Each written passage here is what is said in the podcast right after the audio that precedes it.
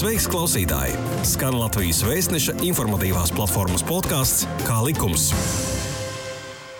Labdien! Mani sauc Ines Helma. Šodien es esmu sarunu par apkursu sezonas sākšanu, uzkrājumu fondu novirzīšanu, parādu sekšanai un tiešajiem norēķiniem par šo jautājumu loku. Es esmu aicinājusi um, izteikties Latvijas nama pārvaldītāju un apsaimniekotāju asociācijas valdes priekšēdētāju Girtu Beikmani. Labdien! Nāk rudens, un ir jau atsevišķas mājas, bet ir pieslēgtas apkurē, jo ir samērā vēss. Un sabiedrība ir kājās sacēlus vismaz Rīgā Rīgas nama pārvaldnieku izsūtītās vēstules apmēram 4000 pārvaldīto māju, sekt uh, siltuma parādus. Vai, vai tas būtu no uzkrājumu fonda rēķina, vai arī kā savādāk, bet ja netiks sekti parādi, tad apkura netiks pieslēgta. Jūs, apsaim, jūs esat asociācijas vadītājs ļoti daudziem nama pārvaldītājiem un apsaimniekotājiem. Kāda ir jūsu situācija, jūsu biedru situācija ar siltumenerģijas parādiem šo sezonu? Vai arī jau esat pieslēguši kādu māju, vai arī ir lieli parādi? Jo jūs, es saprotu, saimniekojat visā Latvijā, ne tikai Rīgā. Jā, no asociācijas biedri ir pārstāvēti no visiem lielākajiem uh, reģionu centriem. Ir gan privātas kapitāla sabiedrības, gan pašvaldību kapitāla sabiedrības. Tā kā tiešām ļoti plašs uh, šīs pārvaldnieku lokus. Tāpat zem asociācijas ir pārvaldnieku ģilde, kur ir pulcējušies un vismaz pieredzē apmainās arī mazu biedrību vadītāji. Tā kā šis uh, lokus ir diezgan plašs, kur asociācija pastāv. Un, ja jautājums par apkursu pieslēgšanu, jā, ir atsevišķas mājas, kuras jau ir pieslēgušās apkurē, kur tas tehniski ir iespējams, kur nav parādi. Un uh, jau teiksim, tā bauda šo siltumu, cik nepieciešams vēsajās, drēgnajās dienās. Bet šī parāda situācija nav tikai Rīgā. Viņa, protams, ir tāda pati visās pārējās pašvaldībās, un uh, cilvēkiem gadās situācijas, kad viņi vai nu ļaunprātīgi, vai vienkārši situācija tāda ir, ka nespēj nomaksāt šos maksājumus komunālos laicīgi. Un parādi ir, viņi droši vien arī nākotnē būs. Varbūt viņi nav tik lieli, kā tas bija teiksim, pirms gadiem, desmit, kad bija šī dišķibele. Ja, tad bija tāds liels parādu bums, teiksim. Bet uz doto brīdi, jā, lielākoties tuvu 100% notiek maksājumi, ja mēs tā skatāmies. Tas nozīmē, ka e, vecus parādus e, attiesā, piedzēna, jauni izveidojās, atkal nu, tas ir bezgalīgs process. Bet, ja mēs runājam par iekasēšanu, tad iekasēšana pēdējos gados tiešām pat neskatoties uz Covid krīzi, e, nu, tuvu pie 100% izdodas iekasēt. Tas sanāk tā, ka pēdējā laikā, pēdējos gados maksā ļoti apzinīgi, bet uh, namu pārvaldnieks cīnās ar vecajiem parādiem. Nē, nu nevar teikt tā, ka pēkšņi pēdējos gados maksā apzinīgāk vai kā savādāk. Parādi bijuši vienmēr, un vienmēr kāds ir kavējies maksājumiem. Un ir pat ļoti daudz, diemžēl, tāda sabiedrības daļa, kur nelabprāt vispār regulāri maksā. Un tad viņiem ir tā, ka viņa jautājums nonāk līdz tiesai, un tad viņi atkal samaksā, un paiet pāris mēneši, atkal aizmirstās, un viņš atkal krāj jaunas parādus. Tā kā šis process parāda piedziņas, viņš īstenībā ir bezgalīgs. Viņš eh, nu, nav tā, ka ir labāk, sliktāk. Bija bažas par to, ka, jā, pavasarī mēs arī premjeram rakstījām, kad uh, par šo situāciju ar uh, maksājumu iekasēšanu, ka šī ir problemātiska situācija, kad uh, viņa ir jārisina un gadiem nav risināta. Un mums tajā brīdī bija bažas, ka tiešām cilvēki dēļ ienākumu zaudēšanas daudz darbā nu, sāks kavēt maksājumus. Bet eh, nē, nevar tu kopumā tā teikt, eh, tik traki tas nav. Jā, līdz 10% maksājumu mm, kavējums ir pieaudzis, bet tas tiešām nav nozīmīgi. Ir vietas, kur vairāk, ir vietas, kur mazāk, bet nu, tā kā katastrofāli pieaugt parādi. Tā nav, tā nav taisnība. Mhm. Uzsākot apkursu sezonu, normatīvi nosaka, ka visai mājai jābūt uh, samaksātā, uh, samaksātām summai par piegādāto siltumenerģiju par iepriekšējo apkursu sezonu. Savukārt apkursu sezonas laikā atkal nu, siltumenerģijas piegāda atslēgt nedrīkst. Tā ir, es esmu pareizi sapratusi. Nu, jūs citējat gandrīz pakalpojumu sniedzējus.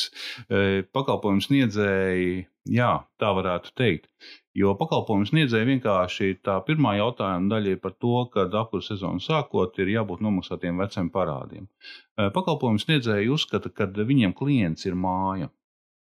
Un uh, klientam ir jāsamaksā iepriekšējā gadā izrakstītie rēķini, un tādā veidā apmēram arī pakalpojumu sniedzējs.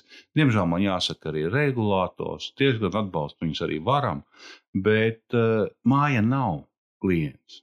Mājai siltumu nevajag. Mājai nav maciņš, no kā maksāt. Tur galā ir cilvēki, mājsaimniecības, ģimenes, kurām ir šie maciņi, kuriem ir vajadzīgs šis siltums un kuri ir gala patērētāji. Un, ja mēs tā skatāmies, tad īstenībā, nu, labākā gadījumā mēs varētu teikt, ka dzīvokļu īpašnieku kopība ir šis gala patērētājs, kuriem būtu jāsamaksā. Un, eh, ja mēs skatāmies uz šo jautājumu tā, ka mājai ir rēķins jāsamaksā, tad notiek uzreiz teiksim, šī kā lai pasaka, tā kā no varas pozīcijām siltuma ražotāji pieprasa, nu, pārvaldnieki, jūs pārstāvat māju, nu, tad lūdzu maksājiet dzenat naudu no vienalga kurienes. Bet mēs saprotam, ka šis gala patērētājs nevienmēr izpilda savu pienākumu. Arī dzīvokļu īpašuma likumā rakstīts, ir, ka uh, patērētājiem, nu, dzīvokļu īpašniekam ir pienākums sekt visus maksājumus, piedalīties uh, lemšanā, piedalīties mājas uzturēšanā, slēgt līgumus kopības vārdā. Viss tas ir aprakstīts, bet vai visi nāk uz sapulcēm, vai visi paraksta līgumus, tas diemžēl tā nav. Un tieši tāpat ar maksājumiem. Ne visi samaksā. Mhm. Ja netiek samaksāta apkurss rēķini, tad nu, arī Rīgas pārvaldnieku vēstulē izskanēja, ka netiks mājas pieslēgta centralizētā siltumapgādē. Un es paskatījos situāciju pagājušajā apkurss sezonā, bija laikam dažas mājas, Vismaz Rīgas siltuma informācija par to liecināja, kurus tiešām nepieslēdz apkurei, jo tā arī tie dzīvokļu īpašnieki nevarēja vienoties, kā tad sektos parādus no uzkrājuma fonda vai kā mhm. citādi. Mm. Bet tas gan nebija lielās daudzdzīvokļu mājas, tās bija divi, trīs, četri dzīvokļu mājas. Nu, Kāda tā situācija ir šobrīd? Nu, vai ir tā, ka, nu, ka ja nebūs kaut mazliet samaksāt uh, iepriekšējie parādi, tad nepieslēgs uh, siltuma enerģijas piegādātājs apkuru dzīvojamajai mājai? Nu, ko vispār normatīvi nosaka? Vai ir tiešām simt procenti un nekā citādāk nevar būt, vai tomēr ir kaut, pastāv kaut kādas atkāpes? Nu, es gribētu teikt tā, ka šis ir jautājums, kurš vēsturiski jau, man gribas teikt, no padomu laikiem ir ievilcies mums un nav sakārtots, ja, jo jebkuru pakalpojumu, pakalpojumu sniedzējs sniedz un domā, kā šo pakalpojumu iekasēt. Šī brīdī ir uh, Latvijā izveidojusies vēsturiski tāda greiza situācija, ka vienam pakalpojumam vajag, kas ir dzīvokļu īpašnieks, otrs pakalpojumu ražo, kas ir siltumražotājs, ja, un trešajam neskapēc vajag panākt to, lai simtprocentīgi samaksā. Un šī varbūt Rīgas nama pārvaldnieka uh, uzsāktā uh, diskusija par šo jautājumu šī brīdī varbūt arī būs beidzot kaut kāds pagrieziena punkts nu, teiksim, pakalpojumu sniegšanas vēsturē Latvijā. Jo līdz šim tiešām Rīgas nama pārvaldnieks ir lielākais nama apsaimniekošanas uzņēmums ne tikai Latvijā, bet man liekas, Baltijā noteikti. Rīgas siltums ir lielais siltuma ražotājs, ja, un šie divi pašvaldības uzņēmumi, un iepriekš pašvaldība kaut kādā veidā uh, panāca to, lai šie uzņēmumi tā ļoti nekonfliktē. Bet valsts kontrole darīja savu darbu, un, un citi tur visi šīs Rīgas nama pārvaldnieku kontrols un uh, citos uzņēmumos, viņas uh, pierādīja to, ka nevar tā strādāt, kad tur viens otru piesaks. Turpmāk jāstrādā katram saimnieciski, jāatbild par saviem lēmumiem, par savām naudām, un līdz ar to šis iegājusies kārtība, viņa nevar turpināties. Un Rīgas nama pārvaldnieks skaidri un gaiši šobrīd pateicis to, kāpēc mums jābūt tam trešajam, kuram nezinu no kurienes, nezinu kādā veidā jās, jādabū nauda, lai samaksātu nemaksātāju vietā lūdzu vai nu risina paši tie nemaksātāji vai viņu kaimiņi, kuriem to siltumu vajag tajā mājā, vai risina siltuma ražotājs. Manā skatījumā atbildību novērst, novelt uz iedzīvotājiem, ka iedzīvotājiem jāmaksā par saviem kaimiņiem, tas nav korekti. Bet tas, ka siltuma ražotājam pašam jāsaprot, ka nevienmēr simtprocentīgi samaksās viņa sniegto pakalpojumu, visur, jebkurā saimniecības nozarē, Tāpat tās, jebkurš ražotājs par to rēķinās, ka ne simtprocentīgi viņam samaksās. Kāpēc lai siltums būtu izņēmums? Tad jūs pārstāvat To, nu, tāda viedokļa, ka tātad iedzīvotājiem būtu, jā, būtu jāslēdz tieši norēķina Rīgas siltuma, ko arī paredz likums. Ja? Nebūtu neobligāti. Latvijā ir ļoti daudz arī piemēru, kur siltuma ražotājs eh, runā ar šiem māju pārstāvjiem, vai tās ir biedrības, vai tie ir pārvaldīšanas uzņēmumi. Un vienojās par to, ka šis pārvaldīšanas uzņēmums dara to, kas viņam likumā ir noteikts. Likumā mums ir noteikts nekavējoties paskaidrot visus maksājumus, ko dzīvokļu īpašnieki par šo pakalpojumu mums samaksāja. Tātad mēs visu, ko iekasējam, visu nekavējoties pārskaitām. Un tajā brīdī, kad tur kādai mājai kavējās kāds maksājums, mēs arī stāstām, lūk, tas dzīvoklis tika parādā, tas dzīvoklis tika parādā. Un uh, viņi arī ļoti labi, viņi prasa, kāpēc, ko jūs darat ar parādniekiem. Mēs arī skatāmies, rādām, jā, šis ir iedots tiesā, tas jau ir iztiesāts, tas ir pie tiesas izpildītāja piedziņa, tur nāk ļoti minimāli. Un viņam, kā pakalpojums sniedzējiem, jā, viņam ir tiesības zināt, kas notiek ar viņu parādiem. Bet viņiem nav tiesības pieprasīt, lai kāds maksā nemaksātāju vietā, ja naudas nav. Kā likums? Kā likums? Jā, tu klausies Latvijas Vēstneša informatīvās platformas podkāstu Kā likums? 14. gada 15. janvārī stājās spēkā grozījuma dzīvojuma māju pārvaldīšanas likumā, kas tieši noteica, ka iedzīvotāji Dzīvokļu īpašnieks iedzīvotāji var slēgt arī tiešos līgumus ar pakalpojumu sniedzēju. Un tieši anotācijā ekonomikas ministrija bija norādījusi, ka šāda grozījuma nepieciešama tāpēc, ka pirmkārt māju pārvaldnieki bieži neveic nekādas darbības, lai cīnītos ar parādniekiem, un otrkārt tāpēc, ka toreiz bija ļoti aktuāli, kad um, iedzīvotāji samaksāja par uh, komunāliem pakalpojumiem, bet Bet tālāk tas pakalpojums nedēļas, nu, tas māju pārvaldnieks nepārskaitīja. Nu, tad bija diezgan tāda negodīga uzņēmējdarbība toreiz. Man liekas, tā negodīga uzņēmējdarbība tagad ir izskausta, bet Es gribēju pajautāt, kā tad nama pārvaldnieks strādā ar tiem parādniekiem. Jo, nu, tiesas, kā zināms, valkas diezgan ilgi, tad citreiz vispār nevar neko iztiesāt. Nu, kāda ir tā situācija? Cik, cik ir, un arī tas viss maksā arī naudu, tā tiesāšanās, vai ne? Jā, Uh, nu, par to situāciju, kas bija toreiz, jā, tik tiešām tur vēl nāca līdzi no tās pašas 8. un 9. gada krīzes sekas, kad uh, ļoti daudz iestājās šīs maksātnespējas. Viņas bieži vien sāk kārtoties tikai 10. un 11. gadā, 12. pat. Un līdz ar to tiešām bija šis nu, maksātnespējas gadījums, bija naudas vakums, un, un tik tiešām bija ļoti daudz biedrības, kuras vienkārši netika galā ar šiem naudas plūsmām, un arī daži lielāki pārvaldnieki. Rezultātā, jā, tiešām bija tāda situācija. Bet eh, jāatbild, jāatbild par uh, to, kā cīnās ar parādniekiem. Nu, īstenībā tā praksa ir tāda, ka nu, kaut kādi trīs mēneši ir tas, kas varētu gadīties, ka cilvēkam kaut kāda problēma. Pēc trim mēnešiem, cik es zinu, visi pārvaldnieki jau pievērš nopietnāku uz, uzmanību šim parādam. Tātad, uh, teiksim, tāda kārtība ir sekojoša. Vispirmām kārtām provē pirmstiesas kārtā, mēģināt sazināties, vienoties par kaut kādu apmaksas kārtību. Nevienmēr mums vajag obligāti valgot tiesas un, un palielināt vēl šīs saistības.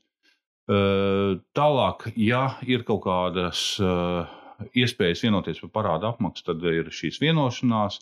Tad tālāk, ja nav nekādas diskusijas, tad ir tiesa Tiesas ir kā kurā reģionā, bet lielākoties tagad ir sakārtojies, kad pusgada gada laikā noteikti pat lielajās pilsētās tiek līdz tiesai.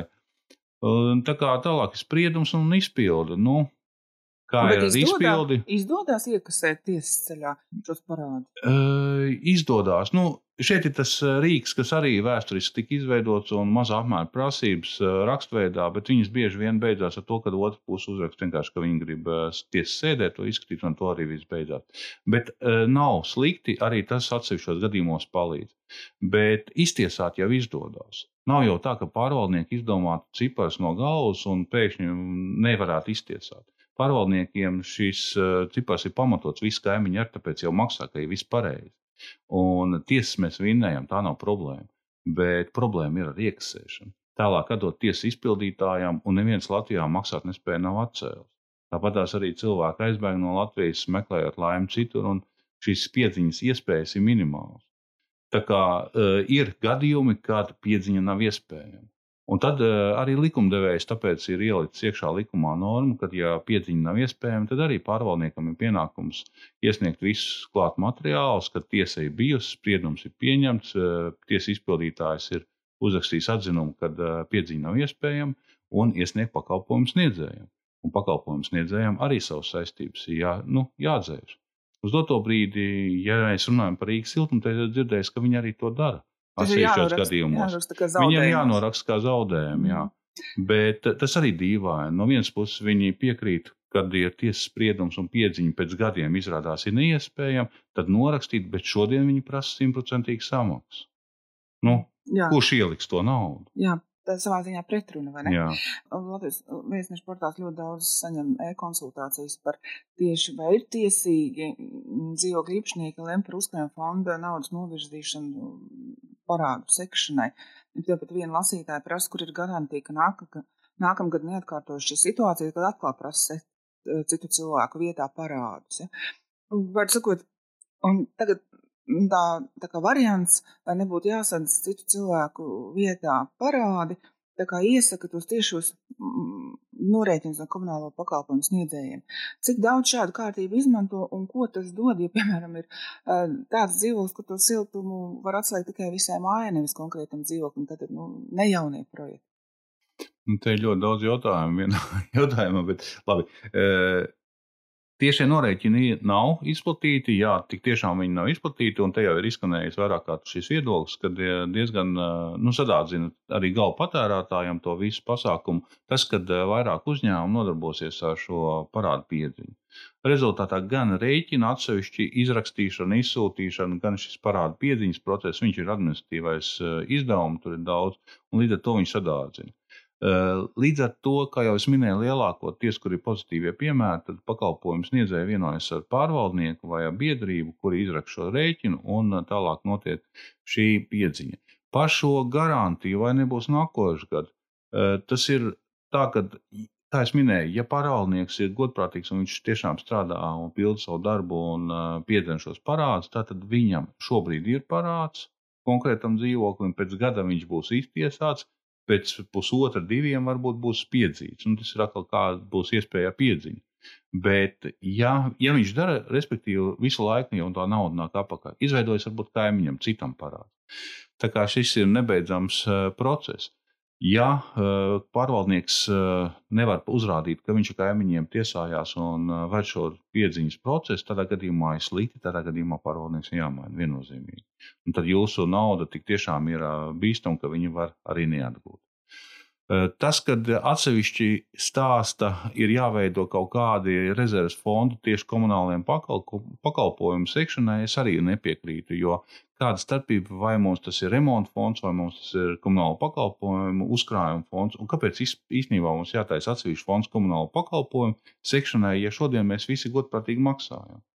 Un mēs ceram, ka rīt arī kaimiņi visi godprātīgi maksās. Tā kā Šeit nav būtī, būtiski, kā to fondu nosauc, bet eh, mājai ir jābūt rezerves līdzekļiem, vai tas ir remonts, vai tas ir atsevišķā gadījumā arī komunālo pakalpojumu vai kāda citas eh, maksājuma sekšanai. Eh, bet tad, jā, tad ir lēmums, kopības lēmums, ja mēs piekrītam šobrīd to naudu ielikt tur, kur nepieciešams, un rītā krājam atkal jaunām vajadzībām.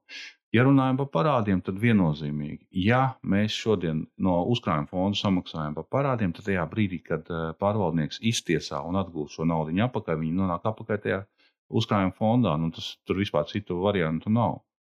Jāpiemetina, ka dzīvokļu īpašuma likums nosaka, ka um, dzīvokļu īpašniekiem ir jālemj par uzkrājuma fondu novirzīšanu parādiem. Ir jābūt uh, 50 plus vienai balsī, lai, to, lai tādu lēmumu pieņemtu, jo savādāk tas nav iespējams. Un līdzīgi arī ir par tiem tiešiem norēķiniem. Arī no likuma es sapratu, ka arī tad, ja visi dzīvokļu īpašnieki, kas dzīvo konkrētajā dzīvokļu mājā, vēlās, nu, tā kā lielākā daļa vēlās tiešos norēķinus, arī kopspulcē vai, nu, vai aptaujas kārtībā vienalga kā, bet tas ir ar, arī dzīvokļu īpašniekiem jālem un arī jābūt vairākumam, lai pāriet uz tiešiem norēķiniem. Ja? Jā, protams, protams. Bet uh, jūs teicāt, ka tātad mm, par katru rēķinu izrakstīšanu papildus vēl maksa klāt. Te bija kaut kā 2-3 eiro apmēram mēnesī klāt. Tas cilvēkiem nav izdevīgi. Un Jā. līdz ar to tie tiešie norēķini nu, netiek praktizēti. Bet ir arī otra lieta, ja ir tiešie norēķini, Nu, Piemēram, es to norēķinu gribētu, tāpēc, lai man būtu vienmēr dzīvoklis silts, bet es dzīvoju nu, pirms kara celtā mājā, un ir visai mājai kopīgi centralizēta apkūra, un nav iespējams atslēgt. mm, tieši parādniekiem, un kā lēmām man, kas godīgi maksā, būtu tas siltums, bet parādniekam kaimiņam nebūtu. Tā tā situācija ir, tie tiešie norēķini taču nedod neko tādā situācijā, vai ne? Nu, tieši ar norēķinu pirmkārt uz doto brīdi pēc izpratnes uh, no pakalpojumu sniedzēja puses, viņi būs tiešie norēķinu ar kopību. Tātad ne ar dzīvokļu īpašnieku. Un vienkārši kopībai ir eh, mājas pagrabā skaitītājs, tik un tik enerģija patērēta, un kopībai šīs eh, rēķinas jāapmaksā. Tā kā tieši tā pati nostāja šobrīd Rīgas nama pārvaldnieku kā māja pārstāvi. Tā kā eh, šeit sanāk, ka būs jāsamaksā neatkarīgi vai vispār iesamaksās. Ja, ja, ja mēs runājam par to, ka atslēgt iespējas, nu, īstenībā es negribētu ieteikt, eh, cik es zinu, vispār Latvijā uzbūvēts pat jaunos projektus, ja, arī jaunajos projektos sākt eh, atslēgt eh, apkuri. Jo vienkārši, ja gadīsies vidējais dzīvoklis, tad viņš ļoti ērti dzīvos arī ar atslēgtu apkuru. Viņš saņems siltumu no apakšas, no augšas, no sāniem. Un rezultātā, ja viņam mēs atslēdzam apkuru, tad mēs īstenībā viņam tā kā īsti nevaram arī likt maksāt, jo paši atslēdzām. Līdz ar to viņš ļoti komfortabli dzīvos, bišķi piesildot ar elektrību, un uh, visi kaimiņi tik un tā maksās. Uh, tā kā šī atslēgšana, apkuras atslēgšana tiešām nav rīks, uh, ko varētu izmantot pret nemaksātājiem. Tas ko, nebūtu saprātīgi. Jā, bet ko tad? Tad tikai tā mm, tiesāšanās? Jā, nu šeit ir tiesāšanās, tas ir viens. Otra lieta ir parāda atgūstamības jautājums komunālajie pakalpojumi tieši tā. Ja viņi nav uh, tādi pakalpojumi, kurus mēs varam tīri viena maisaimniecība maksāt, nemaksāt un, un paši arī par to atbildam, bet mums ir atbildība izrādās arī par kaimiņiem, tādā gadījumā ir jādara valstī viss iespējamais, lai šie parādi būtu atgūstami. Tātad, ja valsts ir pieņēmusi kārtību, ka var būt uh, Latvijā arī maksātnespējas gadījumu un uh, cilvēks var aiziet viņa saulē bez mantiniekiem un nesamaksāt. Ja, ja ir šādi gadījumi, tad jābūt arī risinājumam, kādā veidā nu, kaimiņi, lai šī brīdī necieš. Tas nozīmē, ka uh, ir arī tādas vairākas reizes jau pirms desmit gadiem, pat vairāk virzītas normas, kad kā reāli nasta vai kaut kas līdzīgs, kad parāds iet līdz īpašumam. Jo īpašums, kamēr māja stāvēs, viņš saglabāsies. Tad nākamais dzīvokļu īpašnieks uh, ņem šo nastu uz sevīm, izsolē šis dzīvoklis, protams, aizies par zemāku cenu, jo viņam valkās astīti līdzi. Līdz ar to tas būtu risinājums, un kaimiņiem nebūtu jācie, jācieš. Bet ko likumdevējs tagad eh, darīs? Nu, pirms gada jau bija sanāksme par 10% kaut vai attiecināt eh, pirms eh, hipotekāri nodrošinātiem kredītiem. Šobrīd tas jau sen ir samazināts uz 5%, bet šī norma arī ir iestrēgusi, un vai viņa virzīsies tālāk veiksmīgi, nezinu. Es zinu, ka drīz būs atkal kārtējā sēde, bet kā viņi virzīsies, nezinu. Tas nav pirmais mēģinājums. Tas jau ir vairāk kā desmit gadu pieredze. Kā likums? Kā likums? Jā, tu klausies Latvijas Vēstneša informatīvās platformas podkāstu Kā likums? To, kad parādi iet līdz dzīvoklim, nevis dzīvokļa īpašniekam, tāda pieredze esot Igaunijā. Un es saprotu, tā tad tā kā labi strādā. Nu, loģiski, jā, nu, eh, jā, līdzīgi pēc būtības ir Igaunijā. Un, eh, jā, protams, ja tas parāds iet kopā ar īpašumu, ja parāda piedziņā iesaistās pakalpojumu sniedzējs, nevis uzliek uz kaimiņiem, tad tas ir saprātīgi normālā sabiedrībā risināms jautājums. Un tas nav tikai Igaunijas pieredze, arī citur pakalpojumu sniedzēji paši iesaistās šī uh, pakalpojumu ie, iekasēšanā. Regulators saprot, ka ne visus uh, maksājumus saņems, līdz ar to atļauj arī norakstīt zaudējumus.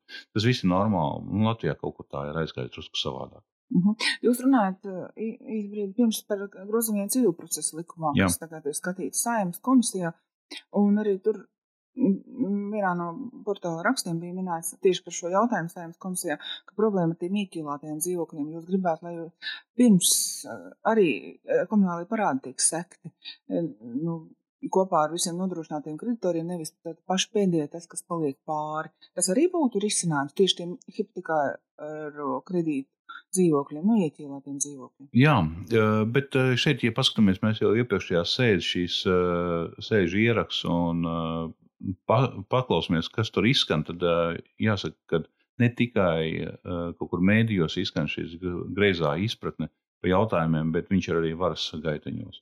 Un uh, diskusijās, ja deputāti un eksperti sāk runāt par to, nu labi, varbūt siltums tas ir būtisks, to varētu mēs tur iekļaut, bet nu, kaut kādus citus pakalpojumus nē, un pārvaldīšana noteikti nē. Ja?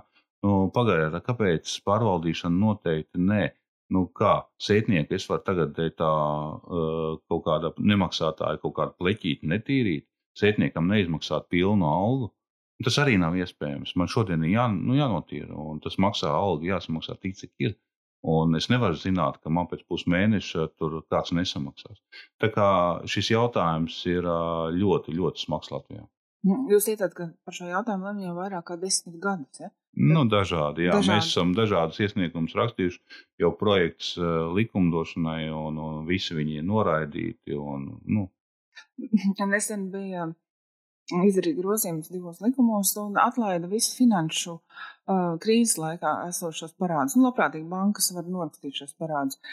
Tad ir jautājums, ko tad nama pārvaldnieki un pakalpojumu sniedzēji dara ar šiem saviem vecajiem parādiem par siltumenerģiju, par ūdeni, par jebko. Varbūt tos arī vienkārši novilkt kaut kādu strīpu un ņemt un norakstīt, jo viņam droši vien pieļauj krājas 20, 3, 25 gadus. Nu, 25 gadus es domāju, ka nekrājās. Jā. Ja tik daudz mums tā vēsture nebūs, tad privatizācija tikai sākās. Bet eh, jā, ir, ir parādi, kuriem ir vairāk kā desmit gadi viennozīmīgi, jo vislielākā parāda nasta uzkrājās tieši 2008, 2009, 2010 gads. Eh, bet eh, jā, es esmu viennozīmīgi par to, ka šie parādi būtu norakstāmi. Bet, kā jau iepriekš minēju, viņi ir norakstāmi visiem iesaistītajiem pakalpojumu sniedzējiem. Tātad īstenībā būtu jānoraksta par šiem maksātnespējas gadījumiem, bezcerīgiem parādiem gan elektrība, gan ūdens, gan siltums, atkritumi. Pārvaldniekam, protams, jānoraksta par saviem pakalpojumiem. Ja sētnieku organizē pārvaldnieks, tad, protams, arī tas jānoraksta pārvaldniekam. Dzīvokļu īpašniekiem savukārt ir jāizskata savs uzkrājuma fonds. Tātad, ja tur kāds neiemaksāja un neiemaksās, tad arī tur jānoraksta, ka tur neienāks tas uzkrājuma remonts. Nu, tā, jā, viennozīmīgi, bet šobrīd jau nav izpratnes tādas. Šobrīd ir tā, ka uh, pakalpojumu sniedzēji dzīvo citā pasaulē, un viņi domā, ka uh, nauda no kaut kā, nezinu, kā var rasties, un viņi pieprasa simtprocentīgu samaksu. Ja mēs vēl diskutējam par šobrīd par siltumu, ja mēs tāpat varam diskutēt varbūt par ūdeni, par atkritumiem, tad uh, šādu diskusiju vispār nepieļauj, pieņemsim, par elektrību, jo sadalās tīklu un Eh, elektrības pakalpojumu sniedzēji, viņi vispār neslēdz šādus līgumus tiešos. Nu, it kā maksājumi varbūt ir nelieli, bet nu, tomēr arī tur, kur ir mājas ar liftiem un viss, nu, summiņas sausās. Jā, bet nu, kā tad elektrība var tā ļoti strikti iekasēt visu, vai nu atslēgt, vai nu samaksāt, bet pārējiem komunālā.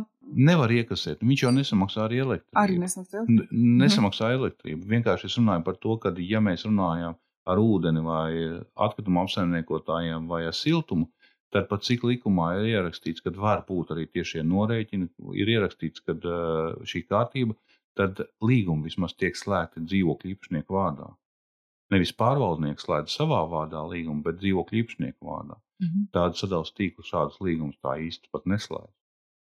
Tā, kā, tā problēma ir ļoti plaša. Mhm. Un kādu jūs prognozējat šo apkursu sezonu? Tad uh, tiešām kaut kas sakārtosies, un varbūt kaut ko vairāk deputāti izdomās tomēr ar to likumdošanu, kā sakārtot. Uh, dēļ tā, ka Rīgas nama pārvaldnieks ir izsūtījis tās vēstules, un tiešām to problēmu ir pacēlis tā tā nopietnā līmenī. Es, es cerēju par to, ka tas tā varētu būt, bet tad, kad es dzirdēju, ka jaunie domas pārstāvi Rīgā jau mierina cilvēkus, ka nevajag neko parakstīt, un siltums jums būs, un viss būs kārtībā, man e, nedaudz iezagās tāda sajūta, ka vai tiešām atkal būs vecie laiki, kad pašvaldība ar varu vai ar finansēm kaut kādā veidā šo neskatoto situāciju mēģinās nogurdināt. Es domāju, ka nē, vajadzētu iesaistīties pakalpojumu sniedzējumā, pilnu atbildību, ka šis ir viņu sniegtais pakalpojums, un saprast, ka nav iespējams simtprocentīgi viņu iekasēt un ņemt vērā, ciešāk sadarboties varbūt ar pārvaldnieku par to, ka viņi analizē, pieprasa atskaites, kas ir darīts kurā mājā ar parādu piedziņu, bet tur, kur nav iespējams samaksāt, neprasīt neiespējamo. Un tas vienkārši ir jāizbeidz. Paldies par sarunu. Mēs sarunājāmies ar Latvijas nama pārvaldītāju un apsaimniekotāju asociācijas valdes priekšsēdētāju Girtu Beigmani. Paldies! Paldies! Šī bija iknedēļas pusstunda kopā ar oficiālā izdevēja Latvijas vēstneses informatīvās platformas podkāstu Kā likums. Pastāsti citiem, ja bija noderīgi un interesanti. Kā likums, tiekamies ik trešdienu!